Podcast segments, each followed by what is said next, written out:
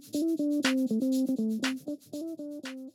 Welkom bij de BDO Legal Podcast, waarin ik, Rami Mohammed, elke aflevering een actueel juridisch onderwerp bespreek met de specialisten van BDO op het betreffende rechtsgebied. Deze aflevering heb ik Femke Schemkes, jurist technologie en privacyrecht, en Sander Riemslagbaas, jurist financieel toezichtrecht, uitgenodigd om het te hebben over klantgegevens en hoe ondernemingen daar anno 2022 mee om moeten gaan. We bespreken eerst een voorbeeld uit de praktijk en eindigen uiteraard weer met drie praktische tips voor jou als ondernemer. Welkom Femke. Ja, en welkom Sander. Ja, dankjewel Rami. Leuk dat jullie er zijn in de, in de podcaststudio. We gaan het hebben over een interessant onderwerp, klantgegevens. Eigenlijk allerlei soorten ondernemingen hebben ermee te maken, van groot tot klein.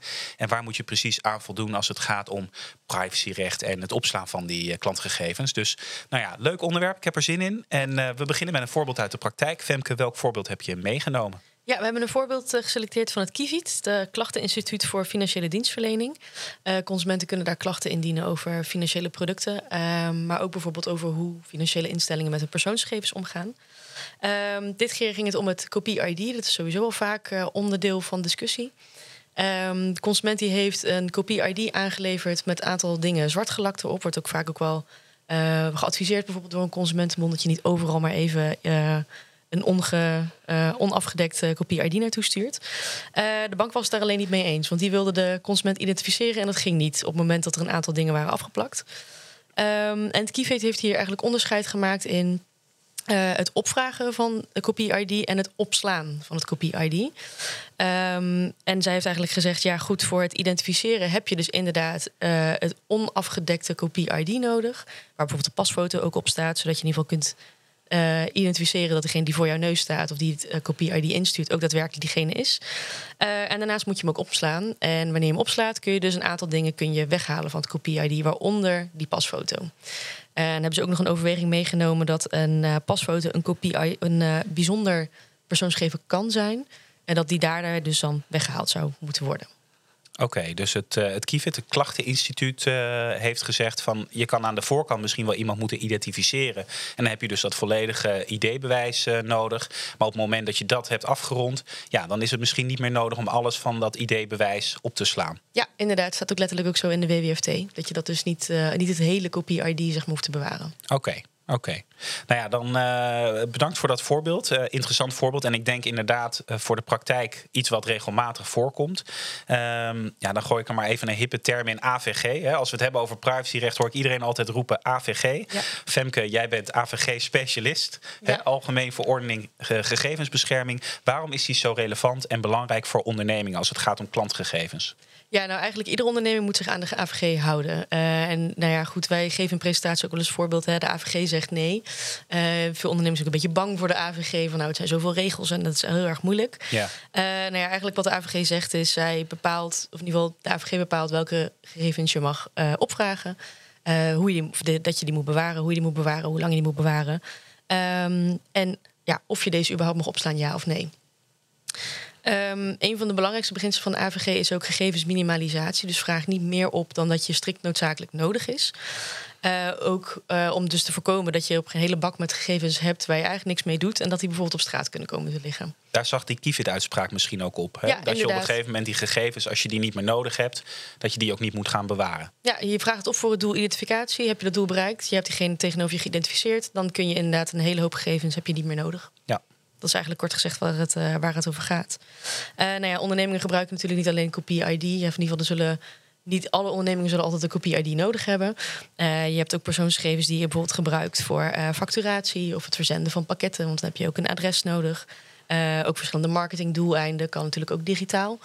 Um, maar bepaalde ondernemingen, zoals financiële instellingen, zullen zich ook moeten houden aan de WWFT. En die WWFT die schrijft wel vrij precies voor wat je op moet vragen, of in ieder geval hoeveel informatie je over een bepaalde klant moet achterhalen. Oké, okay. dus alle ondernemingen hebben met de AVG te maken en een, een, een deel van de ondernemingen hebben met de WWFT ook nog eens uh, te ja, maken, precies. die wat specifieker voorschrijft waar ze aan moeten voldoen als het gaat om klantgegevens uh, opslaan. Ja, inderdaad. Oké. Okay.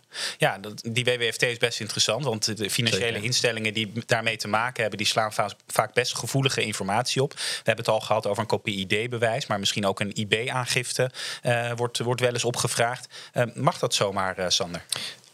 Een bank, ja, dat sowieso. Een bank kan een IB-aangifte opvragen, maar het is allemaal afhankelijk wat ook Femke zegt, uh, met welk doel dat wordt gedaan. Dus wordt dat gedaan in het kader van een hypotheekaanvraag en uh, de bank die wil weten of jij die maandelijkse lasten wel kan dragen, ja, dan hebben zij een IB-aangifte nodig om jouw inkomen te, bepalen. Maar het gebeurt ook steeds vaker dat dat wordt gedaan in het kader van de anti-witwaswetgeving, dus de WWFT.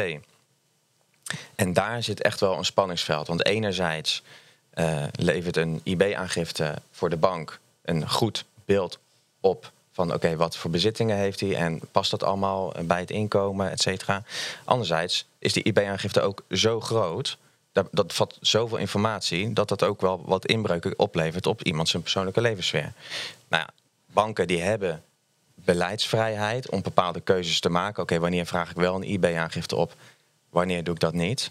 En dat moet goed onderbouwd zijn. Dus het kan niet zo zijn dat een bank dat maar doet omdat het makkelijk is. Een laag risicoklant, dus waar helemaal niks uh, mis mee is tussen aanhalingstekens uh, in het kader van de WWFT. En dan kan je afvragen, is dat dan nodig om zo'n zo'n zwaar document als een IB-aangifte uh, op te vragen? En met name als je dus bankiert bij verschillende banken, dus bijvoorbeeld een ING of een Rabobank of een Triodos bank, maakt niet uit welke bank, die vragen allemaal jouw IB-aangifte op dan kan je nog wel eens het gevoel krijgen van ja, wat weten zij allemaal van mij? Het soort van the big bank is watching you, zeg maar. Ja. Um, en dan is het nog maar te hopen dat in combinatie met een kopiepaspoort en jouw transactiegegevens, ja, dat dat veilig wordt opgeslagen. Want al die informatie bij elkaar, ja, dat levert zo'n goed beeld op van jouw leven. Waar shop jij? Welke sport doe jij? Uh, wat voor politieke partij ondersteun jij misschien wel? Al die data, dat kan ook uh, zo gerichte informatie opleveren voor mensen met slechte bedoelingen, dus criminelen, die we helaas ook hebben. Uh, dat als jij gebeld wordt door een bank, de crimineel dus, of een e-mail krijgt van de bank, de crimineel dus, dat je denkt, die weet wel heel precies waar hij het over heeft, dat zal wel goed zijn. Ja. Die ouderwetse e-mails met allerlei copy-paste en Google Translate uh, uh, fouten, zeg maar. Ja, dat is verleden tijd. Het wordt gewoon steeds professioneler. En al deze data, ja, daar zitten criminelen op te wachten. Ja, ja. Duidelijk. Dus het is niet alleen de data zeg maar, die je opvraagt, maar het is ook de combinatie van data hè, waarmee je een bepaald profiel van iemand kan creëren. Dus je kan misschien denken van nou, ik vraag nu iets op wat best wel uh, onschuldig is. Maar op het moment dat je dat combineert met andere data, kan het weer ineens heel absoluut. gevaarlijk worden. Ja, absoluut. Ja. En, en met name de hoeveelheid mensen die in de financiële sector werken. Ja, daar moet er wel een soort Chinese walls, zoals ze dat ook wel noemen. Uh, dus de bevoegdheden moeten wel gescheiden zijn. Dus niet dat bewijzen van een gastheer of gastvrouw jouw hypotheekdossier kan opvragen of jouw WWFT-klantdossier uh, kan bekijken en daar informatie uit kan halen. Want die heeft dat helemaal niet nodig voor zijn werk. Ja, want uh, Femke, ik hoor Sander praten over het spanningsveld tussen de ja. AVG en de, en de WWFT. Um, hoe ga je daar dan als ondernemer mee om?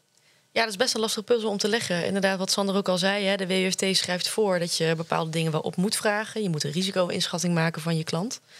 Um, en wat ik net ook al zei, ja, de AVG zegt eigenlijk: vraag niet meer op dan strikt noodzakelijk. En in dat spanningsveld zitten veel financiële instellingen of veel ondernemingen die aan de WWFT zijn onderworpen. Uh, want ja, enerzijds wil je zoveel mogelijk opvragen, zodat je dus inderdaad aan die verplichtingen voldoet, dat je zo compleet mogelijk beeld hebt. Uh, en anderzijds, ja, krijg je dus net ook al ofwel vragen van je klant of je hebt die AVG nog in je nek hijgen die zegt ja, uh, je mag eigenlijk niet meer gegevens opvragen dan strikt noodzakelijk. Um, en daarnaast is natuurlijk ook, je wil, als je wat opvraagt bij een klant, wil je eigenlijk in één keer klaar zijn. Niet dat je elke keer nog een keer terug moet met goh, nou, we hebben het nog een keer bekeken, we willen eigenlijk nog even iets extra's hebben. Of jij kunt er toch nog even iets extra's aanleveren. Uh. Dat is niet, ook niet goed voor je klantrelatie. En voor die klant ook al helemaal een onheimelijk gevoel. Die denkt, nou, wat uh, kwamen ze de vorige keer dan tegen? Dat ze nou weer iets nieuws van mij nodig hebben. Um, nou ja, goed. Wat we net al vertelden, was, dat geldt dan niet alleen voor financiële instellingen. Maar meer MKB-bedrijven zien zich hier wel mee geconfronteerd. En de AP die heeft daar ook op voor gesorteerd. Dus die heeft daar ook uh, op internet een, een hele pagina aangeweid van... nou, hoe ga je als MKB'er nou eigenlijk om met de AVG... en hoe, hoe vraag je nou genoeg op? Hoe krijg je de gegevens die je bijvoorbeeld ook wil vragen, die je niet strikt noodzakelijk hebt, maar bijvoorbeeld ook nodig hebt voor marketingdoeleinden? Bijvoorbeeld het uh, versturen van een nieuwsbrief, dat soort zaken. Ehm, Ja, de AP, de autoriteit persoonsgegevens, hè? ja, dat is de toezichthouder op dit, eh, op dit gebied. Ja. En die heeft daar dus iets over gepubliceerd... wat als handvat kan bieden voor jou als ondernemer... om te kijken hoe ga ik daarmee om. Ja, precies. Want die ziet inderdaad natuurlijk ook. hè, Je kunt alles heel strikt dichtzetten. Van ja, je mag absoluut niet meer opvragen dan strikt noodzakelijk is. Maar als jij ook andere doeleinden hebt die je nodig hebt om je onderneming te drijven, dus marketingdoeleinden, dan is dat ook zeker wel mogelijk. Maar moet je een paar dingen moet je in acht nemen. Ja, want daar zit natuurlijk ook een spanningsveld. Hè? Want de enerzijds hebben we AVG, WWFT gehad. Maar als ondernemer wil je ook ondernemen. Ja. En eh, dat kan ook betekenen dat je denkt van... nou, bepaalde data kan ik ook best gebruiken om te ondernemen... in het kader van marketing of het aanbieden van Ja. andere goederen of diensten. Ehm, ja, hoe ga je daarmee om als, eh, als ondernemer? Kan je dat dan verzamelen of moet je daar ook voorzichtig in zijn? Ehm, ja, wat ik vaak aan klanten meegeef is denk even goed na waarom je het nodig hebt. En wat wil je nou precies gebruiken? Ja, je kunt inderdaad zeggen, nou, ik wil bijvoorbeeld eh, geboortedatum weten, eh, e-mailadres, ik wil het adres weten. En daarnaast wil ik ook nog even wat andere zaken weten. Ehm, ik heb in een ver verleden ook wel eens gehad dat ze bij mij een BKR-registratie bijvoorbeeld gingen opvragen. En dan kun je je afvragen, heb je dat nou wel nodig? Ja. Eh, wat ik ook al zei, hoe meer je opvraagt, hoe groter risico dat je het ook allemaal veilig moet opslaan. En dat je dus inderdaad moet zorgen dat alleen degenen erbij kunnen binnen je onderneming die er ook daadwerkelijk bij mogen. Dus hoe meer data je hebt, brengt ook veel meer verantwoordelijkheid met, je, met zich mee. Ja. Ehm, dus ik denk dat het zeker, het is zeker wel mogelijk, maar je moet even goed over nadenken wat je wil hebben en welk doel je wil bereiken. Ik vind het altijd wel leuk als ik op mijn verjaardag een kortingscode krijg toegestuurd. Van, eh, Ja, nou ja, goed. En dan is het goed natuurlijk. Ja. Hè? Dus als, eh, als je daar inderdaad mee toestemt. Ja. Eh, maar ik heb ook wel eens eh, e-mails gekregen van ondernemers dat ik echt dacht: Goh, hoe komen jullie nou eigenlijk aan mijn e-mailadres? Want eh, volgens mij heb ik hier nog nooit wat besteld. Ja, dat herken ik ook wel inderdaad. Dat je af en toe van die mails krijgt en denkt van... nou, ik klik maar snel op afmelden, want eh, je wil ook eigenlijk helemaal niet op geabonneerd zijn. En volgens mij had ik me ook er nooit voor aangemeld. Maar toch krijg ik er een, eh, een mail van inderdaad. Ja, precies. Omdat je dan bijvoorbeeld niet doorhebt dat die onderneming is gelieerd aan een andere onderneming waar je bijvoorbeeld wel wat hebt gekocht. Ja. Eh, dan staan die misschien wat vrijer in de AVG en die eh, gebruiken die data. Ehm, ja, in ieder geval, ik, het geeft mij soms als klant zijn ook een beetje een onheilig gevoel. Dat ik Ja. denk, nou, had ik had niet per se gehoeven. of een datalek natuurlijk Ja. bij, eh, bij een bepaalde onderneming. Ja, kan inderdaad ook. Ja. Ja, altijd goed een eh, afweging maken tussen enerzijds het commercieel belang, hoor Ja. ik jou zeggen, maar anderzijds ook zorgen dat je toch zoveel mogelijk voldoet aan wet en regelgeving. Ja. Dat is natuurlijk altijd van belang. En over wet en regelgeving gesproken, Sander, ik hoorde dat er nieuwe wet en regelgeving in, eh, in Ja. aantocht is. Ja. Ehm, ja, hoe zit het daarmee? Ja, er is ontzettend veel te doen geweest over een eh, wetsvoorstel wat eh, afgelopen week eh, is ingediend. Ehm, dat heeft, eh, de aandacht is met name gericht geweest op de gezamenlijke transactiemonitoring van in dit geval eh, banken. Eh, waar banken eh, onder de huidige wetgeving de transacties moeten monitoren en onderzoeken op witwasrisico's en eventueel melden aan de financiële inlichtingeenheid. Kunnen zij dat alleen maar op basis van hun eigen transacties doen? Dus even een klein voorbeeld. Als ik bij ING bankier en ik doe een transactie naar de Rabobank of welke andere bank dan ook, dan stopt het onderzoek van ING bij ING. Die weet niet wat er vervolgens bij Rabobank gebeurt. En vice versa. Rabobank weet niet wat er bij de ING allemaal is gebeurd. Ja. Dus het onderzoek naar witwassen is relatief beperkt en dus ook heel moeilijk voor eh, banken. Nou, dit wetsvoorstel moet het mogelijk maken dat alle transacties van al die banken bij elkaar gezamenlijk worden gemonitord. Dus dat die hele route die een transactie aflegt gevolgd kan worden. Waardoor er beter onderzoek gedaan kan worden of sprake is van witwassen. Maar wat ik net ook al zei, Dit is het combineren van data. dit is het combineren van data. Banken hebben al heel veel eh, klantgegevens.